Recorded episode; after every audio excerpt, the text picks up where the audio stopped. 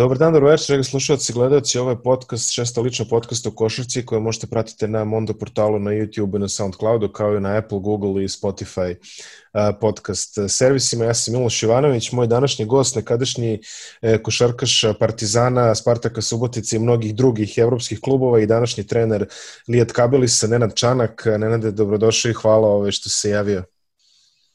Dobar dan i vama, hvala vam pozivu. Nenade, počnemo ono, kako se kaže, od, od početka, ti si odrastao u Zagrebu, rođen si tamo, onda si, ovaj, posle svega toga što se izdešavalo, došao u Beograd i bio si košarkaš Partizana, u stvari ti si tamo tako reći počeo i ozbiljnije da se baviš uh, iz prelaske u juniorsku, seniorsku karijeru, oni a, sa dužim stažom te pamte kao čoveka koji se smeška na posterima iz generacije ovaj, 9-3, 9-4, ali vrlo brzo si napustio Partizan, o njemu ćemo pričati kasnije kad si se vratio i preko Kikinde si završio u Spartaku.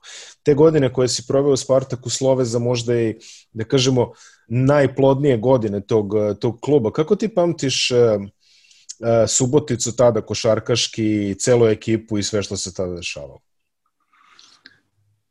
Pa da kažem, Subotica u meni budi neke naj, najlepše uspomene uvek. E, jednostavno došao sam kao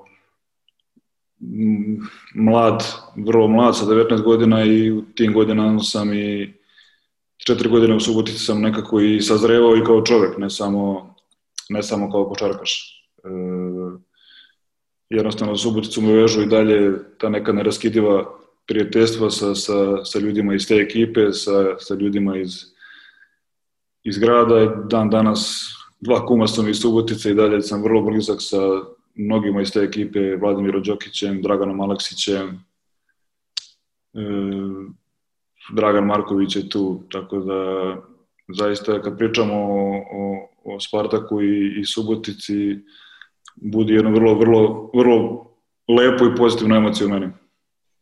Oliver Popović, koji je takođe bio ovaj, član Spartaka, je pričao da atmosfera u Subotici nije bila baš kao što ume da bude na jugu, ali da je sve jedno bilo to jedna jako košarkaški pismena sredina. E, kako ti pamtiš igranje u Dudovoj šumi? Tada mnogi veliki favoriti su umeli da izgube u tim momentima u Subotici. Slažem se sa, slažem se s Popom da nije, ta publika nije, nije frenetična, ali dobro poznaje košarku jednostavno e, kad je hala puna ti uvek osjećaš te neki, te neki impuls uz to vreme, te četiri godine i ranije, mnogi vrhunski igrači su igrali u Spartaku i, i pre mog dolaska e, Subotica je stvarno bila jedna, jedan teren vrlo, vrlo nezgodan za sve ekipe iz tadašnje lige i mislim mogu da kažem da e, ako izgubiš u Subotici nikad nije bio kiks, nego jednostavno ako dobiješ u Subotici napravio si jedan korak korak ka nekom mnogo boljem mnogo, mnogo boljem plasmanu. to je apsolutno tačno. A, tih godina Partizan je umao da dovodi igrače iz Subotice, ovaj, e, Vlada Đokić, prvo je Koturović, pa Vlada Đokić e, i onda ste 99. u paketu stigli ti i Dragan Marković, koga si ovaj, već spominjao, da pojačate krilne pozicije tada u Partizanu. A, došao si u jednom jako specifičnom trenutku. Ako se ne varam, ti si došao kada je Partizan možda odigrao je, da kažemo, relativno najgoru sezonu od, od, od raspada od raspada zemlje. Znači, završili su, čini mi se, nominalno treći na tabeli, playoff se nije igrao. A, ti si došao u momentu kada je Lale Lučić i dalje trener, ako se ne varam, on je trenirao na Delta trofeju. Uh, glavno pojačanje ste bili vas dvojici iz Spartaka i Nemanja Jelesijević koji se nije puno zadržao u to vreme, čini mi se. Odigrali ste Delta trofej dosta slabo, Lala je napustio, došao je Neša Trajković. Ta sezona loše je počela, ajde da kažemo, dobro se završila. Niste imali, imali ste manje očekivanja, međutim, ipak eliminisali ste zvezdu u, u polufinalu. Čega se sve sećaš iz te sezone? Bilo je to dosta interesantnih stvari, osim prvoga kaži kako je došlo do tvog povratka u Partizan, a onda i o nekim stvarima kao što je igranje evropskih takmičenja u Mađarskoj i sve što je išlo uz to. Na, mislim, sećam, sećam se svega, pogotovo iz te prve godine. Što se tiče dolaska u Partizan, ja sam stvarno imao dve, tri, da kažem, odlične sezone u Spartaku. zadnju sezonu sam bio i da li sam bio prvi ili drugi strelac lige, ne mogu sad tačno da, da Vlada Petrović je igrao u Šapcu, tako da jedan nas dvojice bio prvi, jedan drugi strelac lige e, i već negde u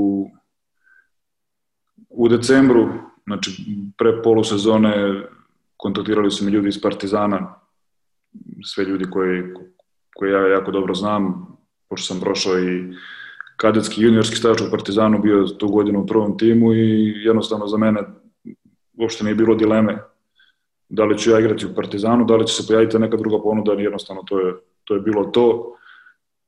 Nisam ni razmišljao ni, ni o nekim ni u uslovima, jednostavno smatrao sam da je to ipak kruna moje karijere. Ja sam partizanovac veliki i jednostavno na prvom pozivu dogovoreno bilo sve za, za, za 10 minuta. Tako da e, završila se ta sezona e, bez play-offa. Pričamo o sezoni 9-8-9-9 zbog bombardovanja budućnost postaje šampion. E, Partizan završava tu sezonu kao treći sa jednom dobrom ekipom. U tom momentu ljudi iz kluba odlučuju da jednostavno da, da, da, da podmlade ekipu sad iz kog razloga, da li to bilo da li to bilo nemanje nekih sredstava za i dalje tako zvučne, zvučna, zvučna imena. U tom prelaznom roku dolazimo Dragan Marković iz Spartaka, Vesa Petrović iz iz FNP-a, Boris Raičević iz, iz Radničkog, e, Jelisijević iz, iz Mašinca i ja, uz starosedavce e, kapitena Mirata Radoševića, Vladu Đokića, Aleksandra Čubrila koji je moj, da kažem, prijatelj iz, iz kadetskih juniorskih dana.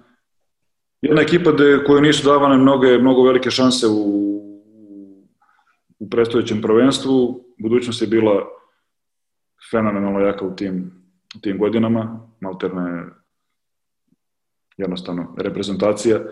Zvezda isto napravila tim za, za Euroligu koju igrala te godine. Jednostavno mi smo bili kao to neki mogu da kažem, outsideri. Tu, tu svoju reputaciju smo i potvrdili tim igrama na, na tom trofeju Beograda. Dosta smo loše izgledali, upravo kluba u tom momentu uvek ta trenerska sudbina je takva da ne možeš da menjaš 12 igrača, promeniš, promeniš trenera. Lale Lučić koji je jedan izuzetan gospodin, izuzetan pozitivna ličnost, jednostavno je napustio, napustio Kormilo, došlo, dolazi Neša Drajković, da kažem, mogu slobodno da kažem i moj košarkaški otac u smislu kao, kao igrača sa nekom novom energijom i jednostavno mi na krilima tek nekog e, izuzetne atmosfere u ekipi, nekog jedinstva u ekipi bez neke, bez neke zvezde dolazimo do, do trofeja u kupu, osvojimo kup i igramo finale sa, sa budućnosti prethodno izbaciš zvezdu u polufinalu play-off. Tako da je jedna godina, e, da kažem, uspešna i zbog tog trofeja u kupu ostaje onako baš meni urazano osjećanje. Kako je izgledalo igrati Evropu ovaj, na domaćem gostujućem terenu? Vi ste igrali u Solnoku, čini mi se. Ovaj, je vaš... Da, bilo je, da kažem da je bilo užasno. Znači, jednostavno nismo imali nismo imali domaći teren, e, putovanja putovanja autobusom do Mađarske gde mnogo više čekaš na granici nego što, sam, što samo putuješ do Solnoka. Jednostavno dobro smo startovali u tom, to je bio Saporta Kup, tada se zvao. Dobro smo startovali, na kraju završimo sa tri porada za redom i, i ne prođemo dalje. Jednostavno to je možda bila jedina mrlja, mrlja te godine. Imali smo, imali smo ekipu koja je kvalitetom zasluživala da, da prođe to, međutim ključnu utakmicu protiv e, Pauka u, u Solnoku nismo dobili, izgubili smo, tako da eto, ostaje, ostaje ta neka žal, međutim mislim da smo to kompenzovali rezultatima u, u domaćim takmičenjima. Pritom ne treba zaboraviti da ta liga bila izuzetno jaka. E,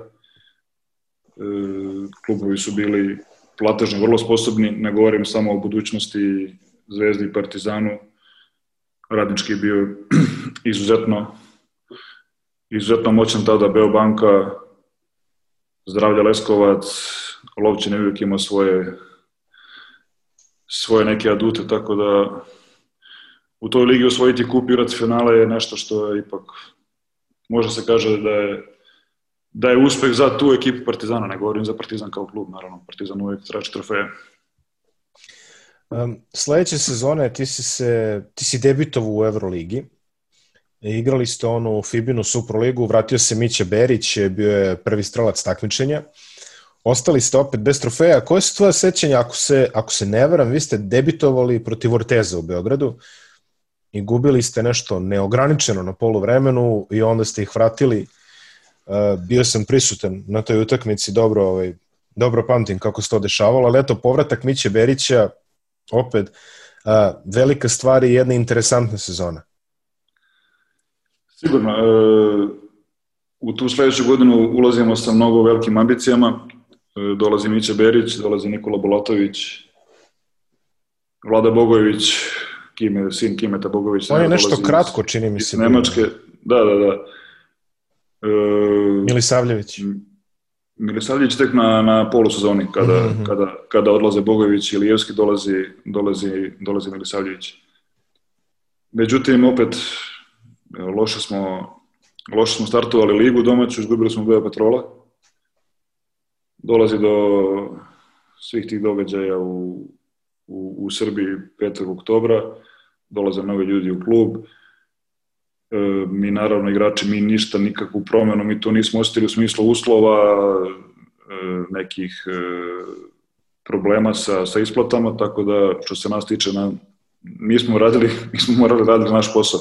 Nismo to uradili baš najbolje u tom startu. Počinje ta Superliga da igramo protiv Vrteza, prvo problem bilo 19 za njih, ja mislim.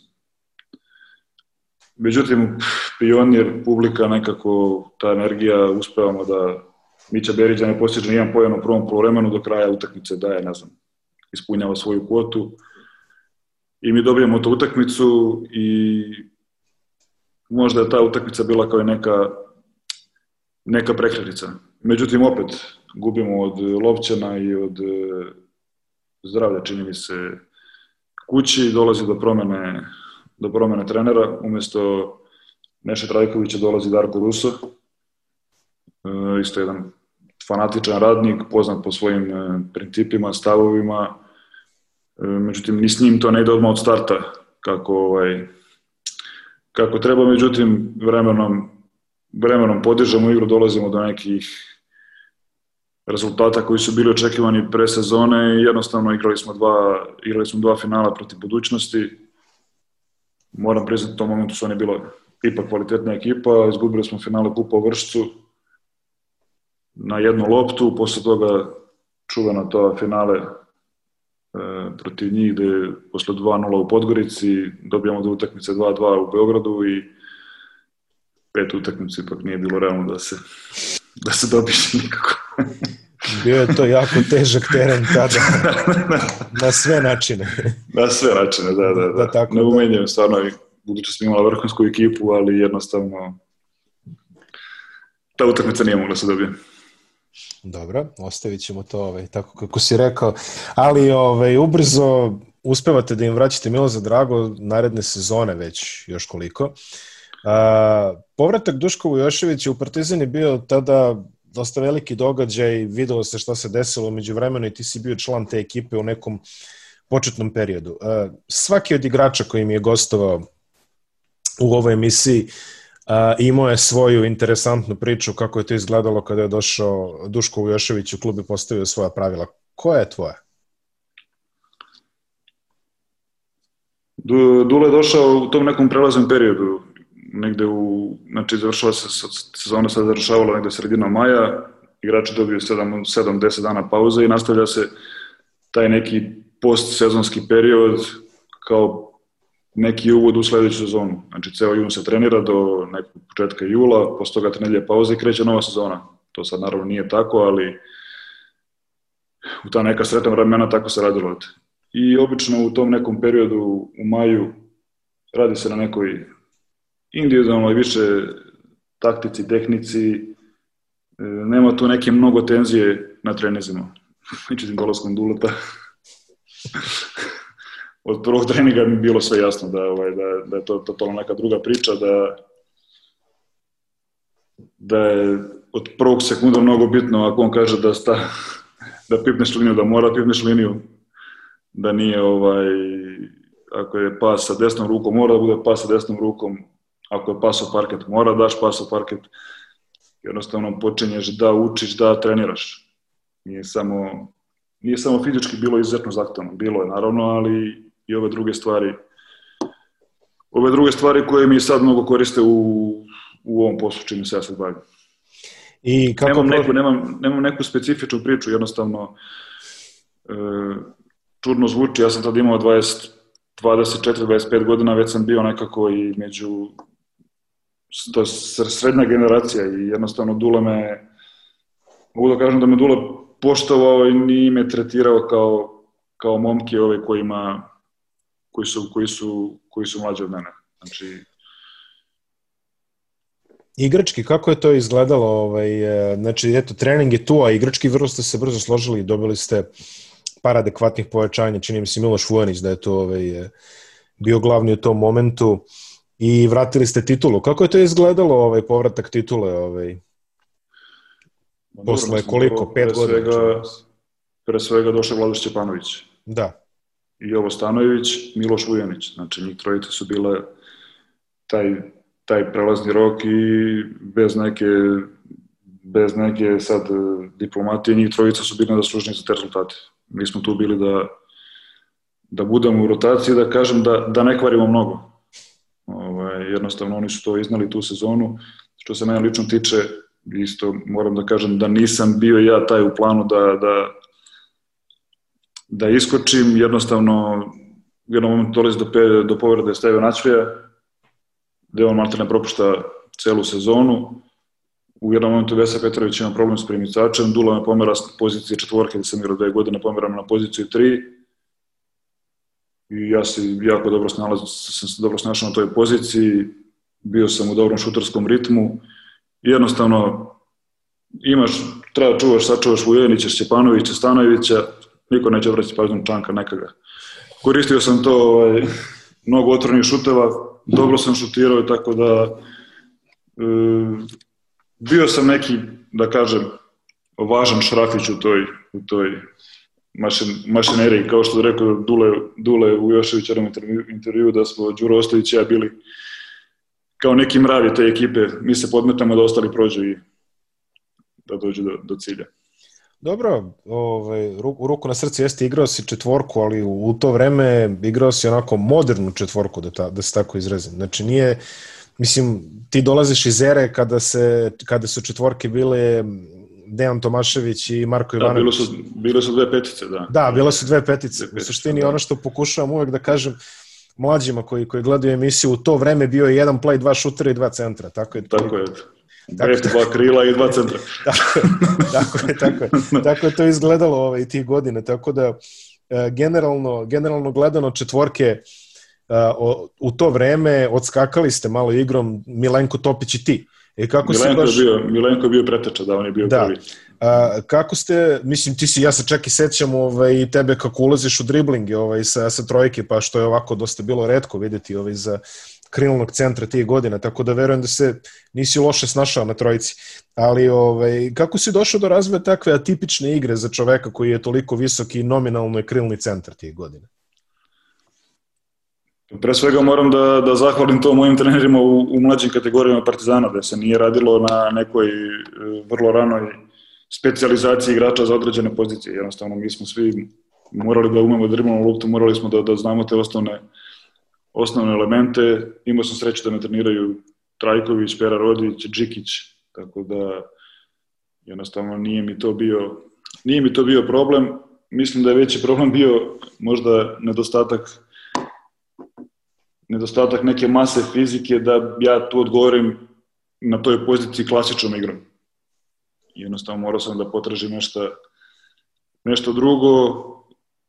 treneri i ekipe gde sam igrao su to prepoznavale i eto, tako da mislim da, da je veći razlog to što ja nisam mogao fizički da govorim tom nekom Morali su da ti nađe mesto. Da, da, da, da, da, da, da. pa da, dobro, ti igraju, ti igraju ovako, neće smetiti. Odlično je, ovaj, odlično je prošlo na kraju. Mora da, se... Da. Uh, ti si od, probao si još neko vreme u Vojvodini posle odlaska iz, iz Partizana koja je to vreme bilo ovaj, takođe dosta ambiciozna, ali kada zatvaram ovu tvoju, i ti si kao i mnogi igrači te ere otišao relativno kasno inostranstvo, kao onako je sa 28-29 godina već bio si ono pošteno formiran kao igrač. Međutim, kada, pre nego što samo odemo do inostranstva i tvojih uh, avantura, tamo bilo je svačega, uh, da spomenemo i tvoj uh, reprezentativni staž koji se nešto slabije spominje, ali ti si bio reprezentativac u mlađim kategorijama i osvojio si medalju na čini mi se mediteranskim igrama i osvojio si medalju na svetskom prvenstvu koje više ne postoji. Tad se zvalo da, da. da 22 i mlađe. Da, da, da. I to je bilo u Australiji, ako se, ako se ne varam. Jeste, to je bilo, to je bilo 97. godina, e, gde opet ljudi iz Saveza su imali neku viziju gde šalju reprezentaciju do 22 godina na mediteranske igre u Bariju kao, kao prvu reprezentaciju, kao seniorsku reprezentaciju, u, kao jedan vid priprema za svetsko prvenstvo kasnije u, u Australiji. Na tim mediteranskim igrama u Bariju ekipe Italija i Grčka jednostavno dolaze kao sa, sa, sa kompletnim, kompletnim sastavima mi gubimo utakmicu u polufinalu od Italije, dobijamo u Grčku za treće mesto i osvajamo tu bronzanu medalju na teniskim igrama. Tako da, eto, imam, imam i tu neku medalju sa seniorskih reprezentativnih takmičenja. A u Australiji, dobro, jaka ekipa, to su bili uh, Šćepanović, uh, Čubrilo... Da, da, u Australiji smo imali, uh, da kažem, peh, uh, čekali smo čekali smo Drobnjaka i Stratijevića cele pripreme. I slobodno mogu da kažem, s njima dvojicom mi bili prvaci sveta, to nema dilema. E, ne znam zašto, pričao sam i s Peđom milion puta Drobnjakom, nije bila njegova to ideja da ne igram, ne znam, jednostavno ne ulazim u to, jednostavno igrali smo bez njih dvojice, otišli smo u Australiju sa 11 igrača, bukvalno zato što smo čekali njih dvojicu, nije, nije bilo, ovaj, nismo mogli da prijavimo neke druge igrače. E, u Australiju smo došli bukvalno dan pred, pred, e, pred prvenstvo. Organizatori su bili malo iznenađeni. To bio kao put za Montevideo, da nećemo ni doći. ovaj, dolazimo tamo, u Australiju, onako šamućeni, gubimo, gubimo prve dve utakmice od e, Portorika i, i Sjedinih američkih država, igramo sa s Novim Zelandom za bukvalno eto da moramo da dobijemo da prođemo, pritom Novi Zeland, to je sve lagano. Međutim, to je ekipa Novog Zelanda gde su oni posle bili treći na svetu. Znači, to su, ili četvrti, ne mogu se, to je Pero Cameron, to je Henare, to je, ne mogu sad da se, da popam ti sva imena. I mi tu utakmicu dobijamo tako što... Sean Marks je možda bio tamo da i da li bio Kirk ovaj, Penny. Ne, Moguće da, Penny, Sean, da, pa da, da, to su oni da, najbolji da, igrači. Da, da, da, da. I mi dobijemo tu takmicu tako što Čubrilo krade loptu na, na, na, na minus 1, na minus 2, Lukovski daje neki koš i mi dobijamo, znači, u, u bukvalno zadnju sekundu Novi Zeland. I mi tu svi srećni, radosni, pravimo neke upijače i dolazi Darko Ruso s slučionicu i sad onako je euforični Darko Ruso onako dolazi a u Burazeru šta mi slavimo u pijačima pobedu protiv neugodnog Novog Zelanda.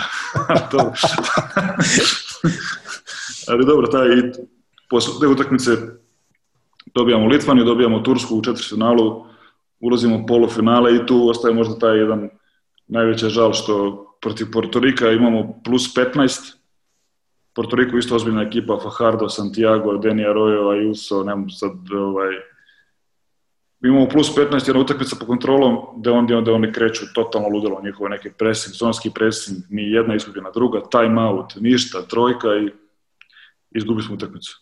Ali pobedili ste, osvojili ste bronzu protiv jedne da. jake Argentine sa Ginobilijem, da, da, da. Pepe Sanchezom, Obertom. I... Da, bio je, Ginobili tu bio onako mlađi od njih, Lukas Victoriano, već tada potpisao za Real bio taj glavni, glavni njihov igrač, čovjek se izgubio posle.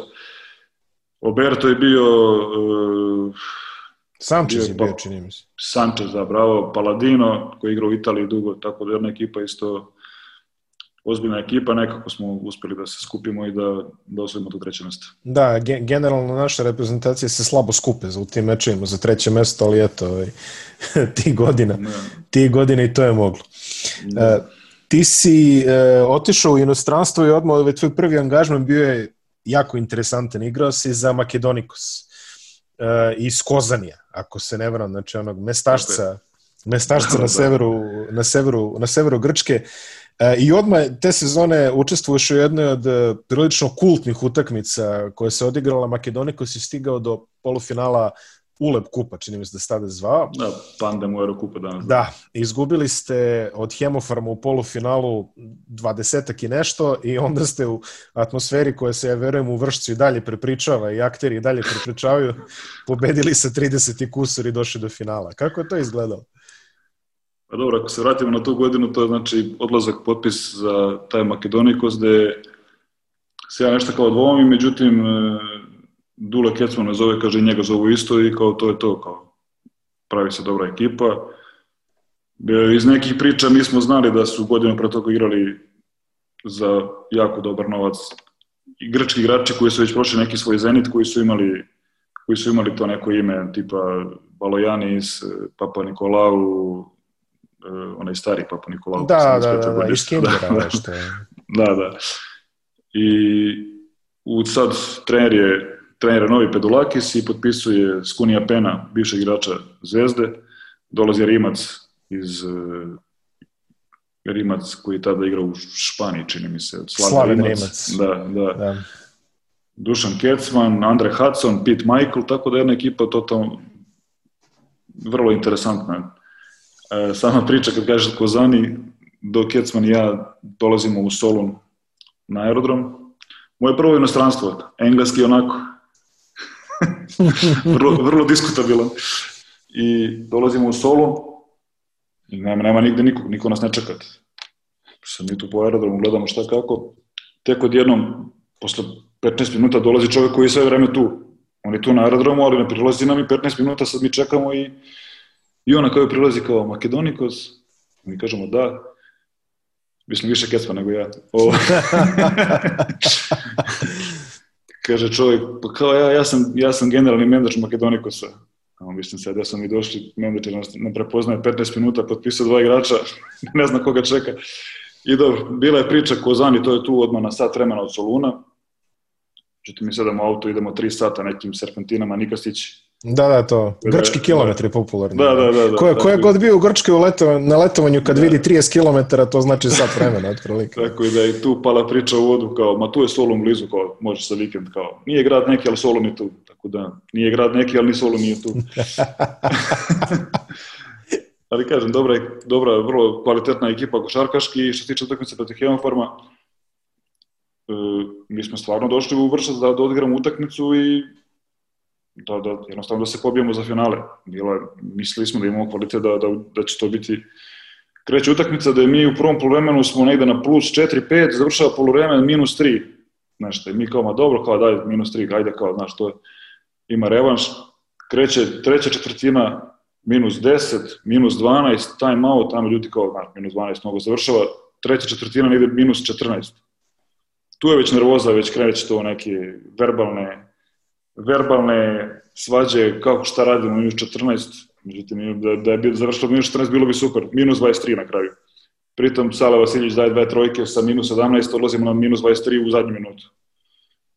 Ništa, odlazimo, odlazimo u Vrčku, dolazi Hemofar, mi onako, sad ajde kao, mislim, pokušat ćemo, ali Međutim, Hemofar dolazi onako dosta opušten. Viđam se s Milenko Topićem pre utakmice, kaže, ma ne sviđa mi se ovo ništa ovi naši su došli vrlo turistički, obilaze se groblja ova srpska u Solunu, i Kurzija, šta kako. Hala, znači mi smo igrali u toj nekoj školskoj hali, to je možda bilo 2000 ljudi, kapacitet. Znači ja ne znam koliko tu ljudi bilo. Fanatizam neki neviđen, jednostavno bila je situacija da je Bogavac izvodi loptu sa ove, sa, čeo, sa, ove, sa bočne linije, da dolazi čovjek s onom brodskom sirenom svira novu. Čovjek ako nije ugluvio tad, ne znam, nikad neće. Tako da oni kreće utakmica, znaš ono kad krenu utakmica 4-0, 8-2, 10-2, 12-2, već panika, time out i već je ono, tako da smo mi tih 23 razlike prestikli već u četvrtoj četvrtini i završilo 31 za nas, onako bez neke bez neke bez neke drame, Bogavac je napravio neku nepromišljenost, bio isključen, mnogo bitan igrač za Hemafrom tada, ostali su bez njega, tako da eto. U finalu izgubili ste ulazimo u finalu. od Ljetovo Sritesa i to je otprilike bio kraj ovaj, eh, tog boravka u Makedoniji, ko su posle toga nekoliko interesantnih destinacija, igrao si u Albi dve godine, ali ono što je interesantno, igrao si u Ukrajini i pre svega igrao si na Krimu. Znači to ovaj, baš nije isto često. Igrao si za Grifone iz Simferopolja. Ovaj, ma da, između, znači bio ta Grčka, bila Alba dve godine, da je ono, san svakog igrača, mislim, igrati u Albi. Mm. Da, ima tu par anegdota, ako bude bilo vremena, da ispričam, ali... Slobodno, eto, Da. ispričaj. Da, pa ne, dolazimo iz, iz Makedonikosa, sad završava sezonu, naravno u Grčkoj hroničan problem sa, sa isplatama, sa parama. Mhm. Kada dobiješ prva plata kad je bila, svi živi to obaveštavaju, leglava je plata, sve, sve je u redu, mislim, ok, prvo inostranstvo, valjda tako treba da me da obaveštavaju. Međutim, posle već dva mesta niko više nije obaveštavao. na pitanje kada će plata Avrio, Avrio, u jednom momentu je bilo Met Avrio, znači preko sutra to je već znači kraj. Međutim, taj gazda je ulazi u neke probleme u, u Grčkoj država ga ne isplaćuje, on je bio glavni finansijer olimpijskog sela tamo, neka, ne znam, neka njihova priča. Uglavnom, suma sumarum mi ostajemo bez para, Kecmar ima cijel, tako da odlazim u, odlazim u Nemačku, u Albu, potpisujem, naravno, koji svi sa ovih prostora ponesem nešto da imam za, za trošak. Međutim, niko ništa ne zove, nema uopšte ovaj, e, nema poziva da je legla plata, prolaze dani, u jednom momentu već ono, nekako, hajde reko, ode- odem da, da, odem da vidim, da pitam tamo. Najavi se kod tog glavnog za, za, za financije, ulazim unutra, Robi Majer, čuveni. E, kao Nenad, kao sve okay, kao sve u redu, sve, rekao, sve u redu, nego samo da vidim kad je ovaj, kad će biti plata. Čovjek gleda ovako začuđeno, eto. Molim, pa rekao, kad će da, samo da znam da planiram kad će plata. Kaže, plata je već na računu kao od prvog dana kad si došao, ali u banci. A, rekao, okej. Upoznavanje sa sve.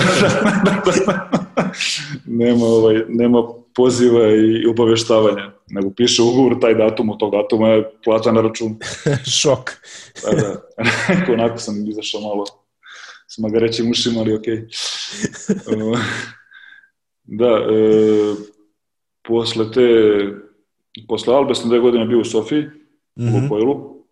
Tada je jakom klubu, dosta se investiralo tamo. Da, Lukoil gde to drži malterne drugi, drugi, treći čovjek Bugarske u to vreme, taj Valjo Zlatev.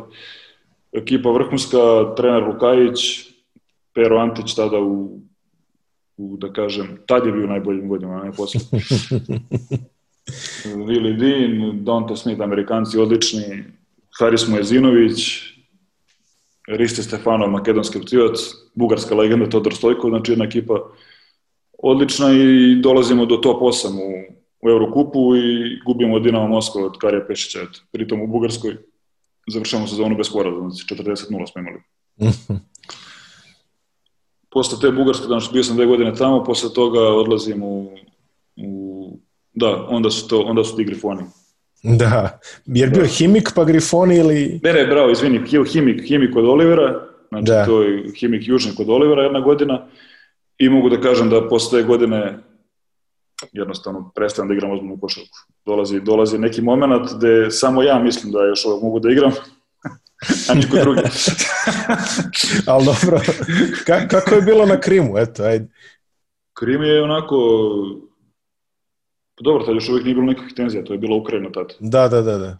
u tom momentu, međutim, e, priča se isključivo ruski, ništa ukrajinski, postoje, kvartovi su postojali u tom Simferopolju da žive ti Tatari krimski, da se da ne zalaze, ovaj, da kažem, Rusi nije više tu bilo više tu bilo neke tenzije između tih Tatara krimskih koji su koji su jel, muslimanske veroispovesti i ovih Rusa, tamo nema Ukrajinaca, tamo su jednostavno ljudi sebe nazivaju Rusi, ne Ukrajinci. Više je bilo tu možda neke tenzije nego, nego što će se ispostaviti posle da dolazi do, do odcepljenja Krima od Ukrajine. I tako, je, tu je Sevastopolj, blizu Simferopolja, Sevastopolj je ostao u, u, u ruskim, da kažem, ruska teritorija, najveća najveća njihova ratna luka na Crnom moru, koja više ima neki simbolički, simbolički značaj nego strateški. Znamo svi od Crnog mora, ako zatvori Bosfor i Dan Daneli, ništa ne znači ta, ova, da. ta, ta luka. Tako da zanimljivo, zanimljivo iskustvo. E, nije to bilo nešto košarkaški impresivno uopšte, ali et, bio sam i tamo, igrao sam i tamo. Bio si i u Pečuju posle?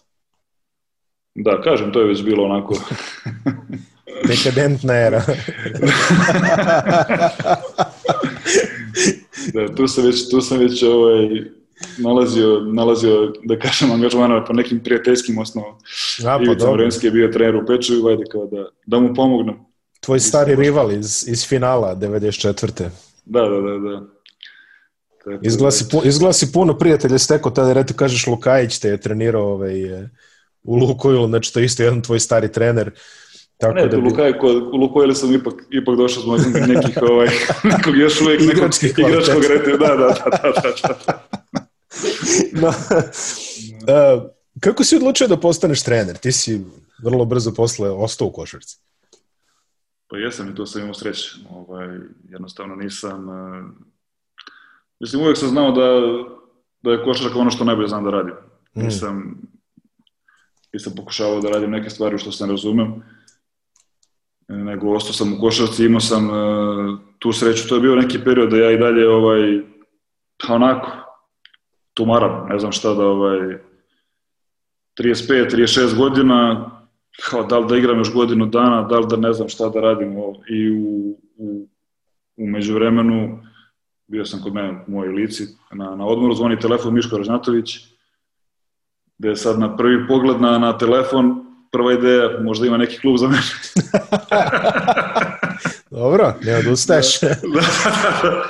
Međutim, oni, Miško, kako vrlo kon konkretan, uvek onako, bez nekog viška emocije, ove, ovaj, kao, da li si zainteresovan da budeš pomoć trener Vladi Vukovičić u, u, u Megi, plata je tolika i tolika, tu nema, nema ovaj, nema pregovora. pregovora. Da, da, da.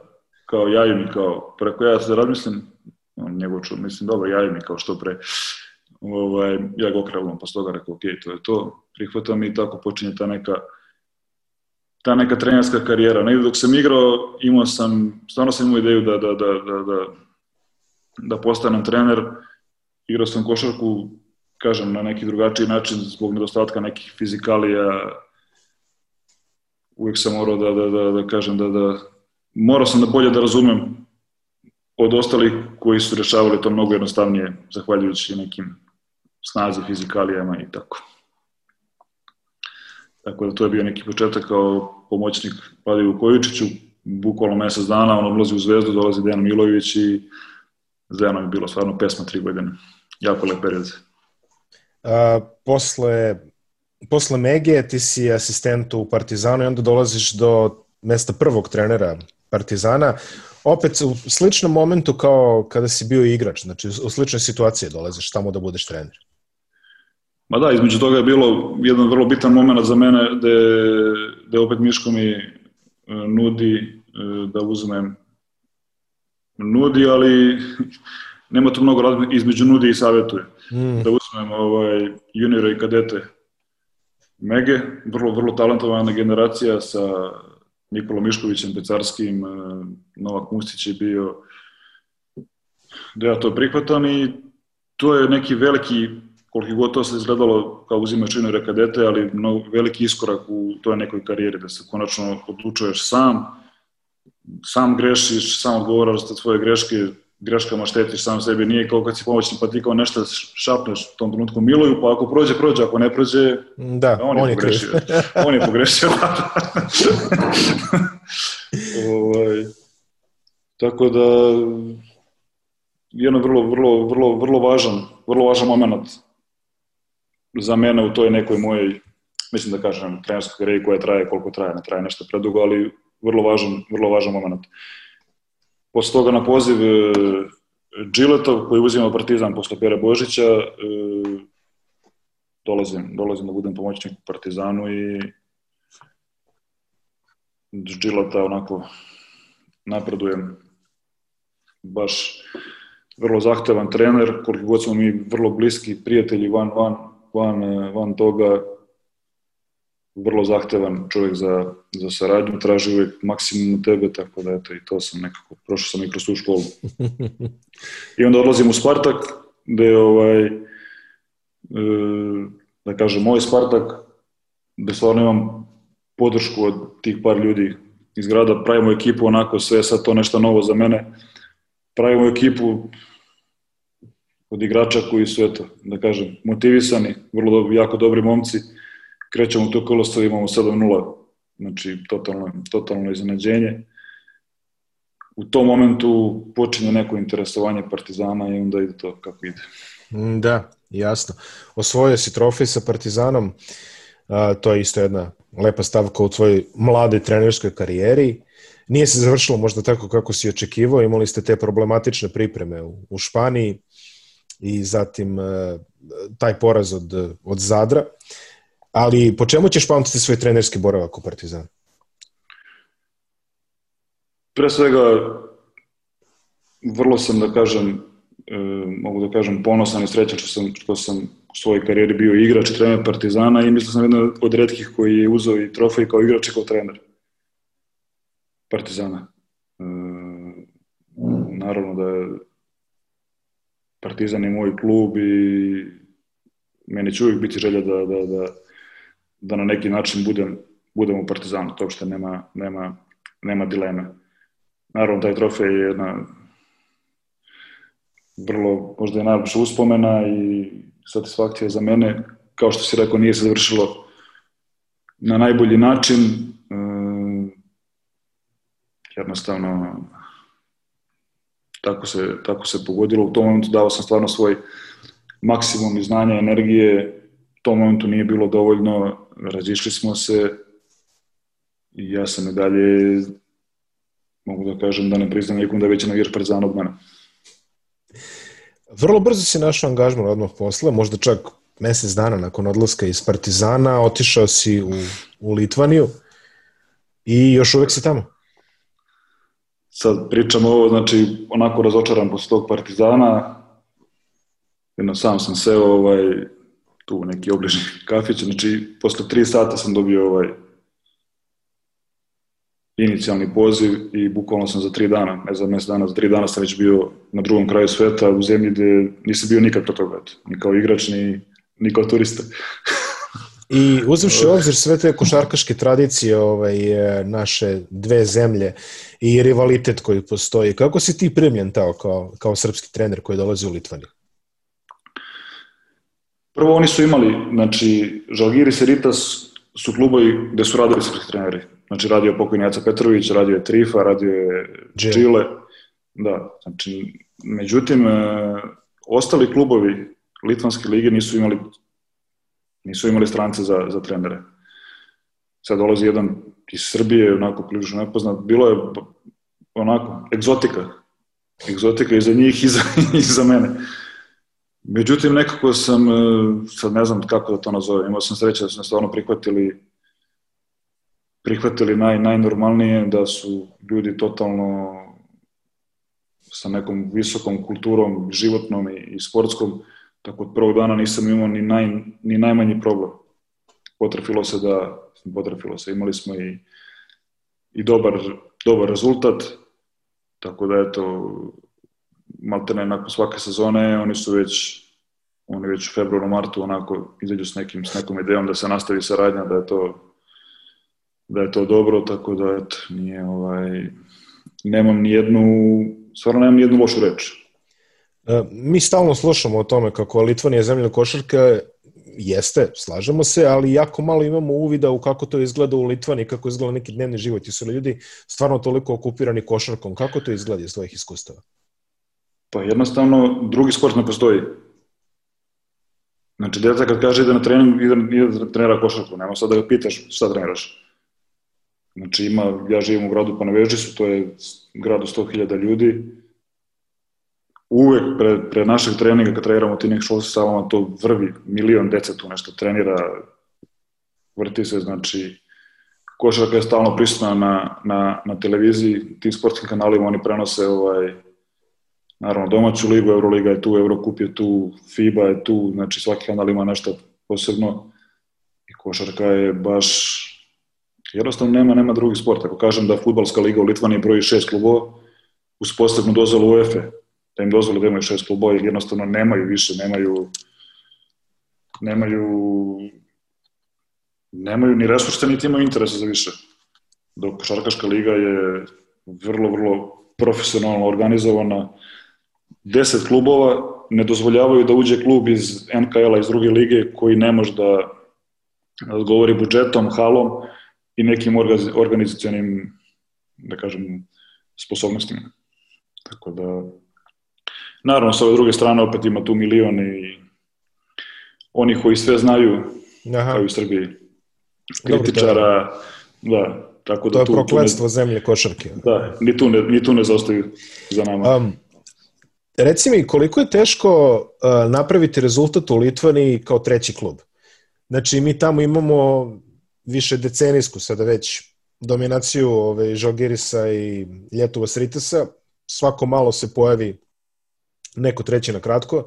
Imali smo Neptunas pre, pre par sezona, sada čini se da je Lijat Kabilis taj treći tim, da se tako izrazim. Uh, kakva su očekivanja, da li, da li ljudi iz uprave uh, imaju nešto razumevanja kada shvataju da morate vi baš ono sekirom na tenku tim ovaj, slučajevima. Apsolutno, apsolutno imam sreću da radim u, sa ljudima koji apsolutno to razumeju i nemam nikakav, nikakav, nikakav imperativ.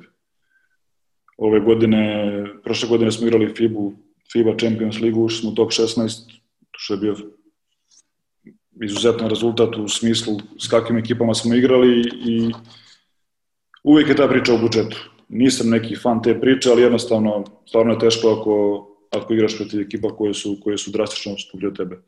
Što se tiče Litvanske lige, ove, ovde e, i prošle godine smo mi držali drugo, drugo mesto do tog nekog poraza kući, gde se liga prekinula posle toga i Rites izlobirao da se e, plasman konačni odredi posle te utakmice, a ne posle dva kruga, pošto odigra četiri kruga da smo i bili drugi u tom momentu, međutim, jednostavno imaju ovde moći, oni su to tako izlobirali, klubovi su glasali 6 prema 4 i mi smo završili treći. Ove godine, kažem, igramo taj ulep kup uh, u grupi gde ne znam, Euroligaška grupa, eto. Sad Virtus mm -hmm. potpiše Belimelija za 5 miliona za 3 godine, šta sad, ne. da. To je dalje priča, ali dalje imamo neku šansu da, ovaj, da da izborimo taj plasman u top 16 ako pobedimo Antwerpen u gostima Andoru kući. Tako da e, hoću da kažem da ljudi razumeju razumeju situaciju, ali su borci, znači nikad, nikad nećemo odustati od toga eto, i ove godine trenutno smo drugi na tabeli, sad treba da znači sad ideja da, da se ostane na drugom, tom drugom mestu. Kako ti izdržavaš ovaj, u ovoj e, korona eri košarke? Kako to izgleda u Litvaniji? Putovanje su, Bogu hvala, idem slabije nego, nego u nekim drugim zemljama, ali opet igrate taj, uh, igrate taj Eurocup, nije ni to lako organizovati sve. Što se tiče putovanja u Litvaniji, da, to je sve na sad, dva, sad dva putovanja, to je, to je lakše. Međutim, mi kad putujemo po Evropi, to je pakao. Znači, od, od organizacije puta, znači, putujemo iz ili iz Vilniusa ili iz Rige, to je samo dva sata puta do aerodroma, pa onda se nastavlja dalje. E, što se tiče korone, ja mislim da smo mi u Evropi jedini od par klubova koji su baš drastično, da kažem, preživjeli tu, tu situaciju. Imali smo u prvom mahu smo imali devet ljudi koji su, koji su zaraženi, šest igrača, tri člana stručnog štaba. Neko smo skupili, otišli smo na tu ludu turneju u Krasnodar, pa iz Krasnodara u Bolonju, vratili se još četvorica su pozitivne, tako mm. da i dalje mi nemamo od 27. oktobra mi nemamo trening 5 na 5, nego eto nešto nešto pokušavamo. U subotu jako bitna utakmica u tom u Klajpedi protiv Neptunasa. ima nas do sad sedam, osmi je tu, možda, vidjet ćemo. Skupljate se. Da. Skupljate se. Dobro, teško, da. teško je svima zaista, i, ovaj, ali opet istaći ćemo ono najbitnije da se igra. Što je. Tako je, tako je, tako je. To je najgora opcija da se ne igra. Uh, Nenade, za kraj ovog razgovora, ono standardno pitanje, izdvoji mi tri igrača koje je bilo najteže čuvati za vreme tvoje igračke karijere najteže? Na mojoj poziciji ili... Na tvojoj poziciji. Znači, u direktnom susretu ko ti je bio najteži? Znači, broj jedan je Marko Johnson s Kavolini. Mm. Znači, apsolutno nemoć. Znači, ne znam. Čovjek jednostavno dao mi koš kako je hteo. Ako, ako odigram dobro odbranu, to je onda da, da da koš bez faula. Da nije jedan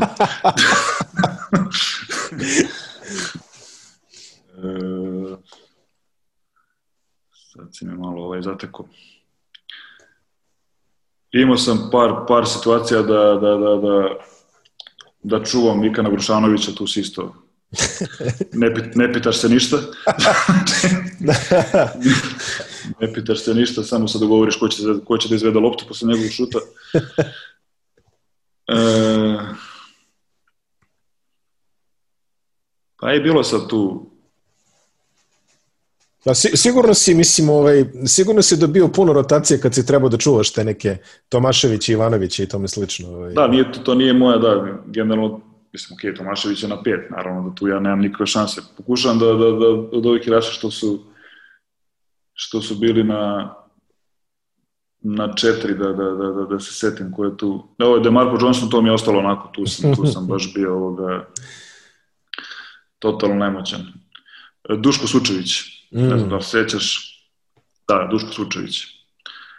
Igrao je za Mornar iz bara. Da. O. Igramo za Subu, igramo u Spartaku, dolazimo u bar, naravno put, celu noć. To, je, to su bili Sučević i Vukazić, čini mi se da su bili ovaj, glavni tamo. Sučević, ovaj, mi gledamo, nema ga na zagrevanju, nama bitna utakmica, ako dobijemo, bit ćemo, ne znam, četvrti, nema ga, nema ga, jedan čovjek se pojavljuje u kabanici, oni ribarskim čizmama, dolazi tu, uotilo ga neka nevreme na, na moru, nije baš mogo da stigne odmah.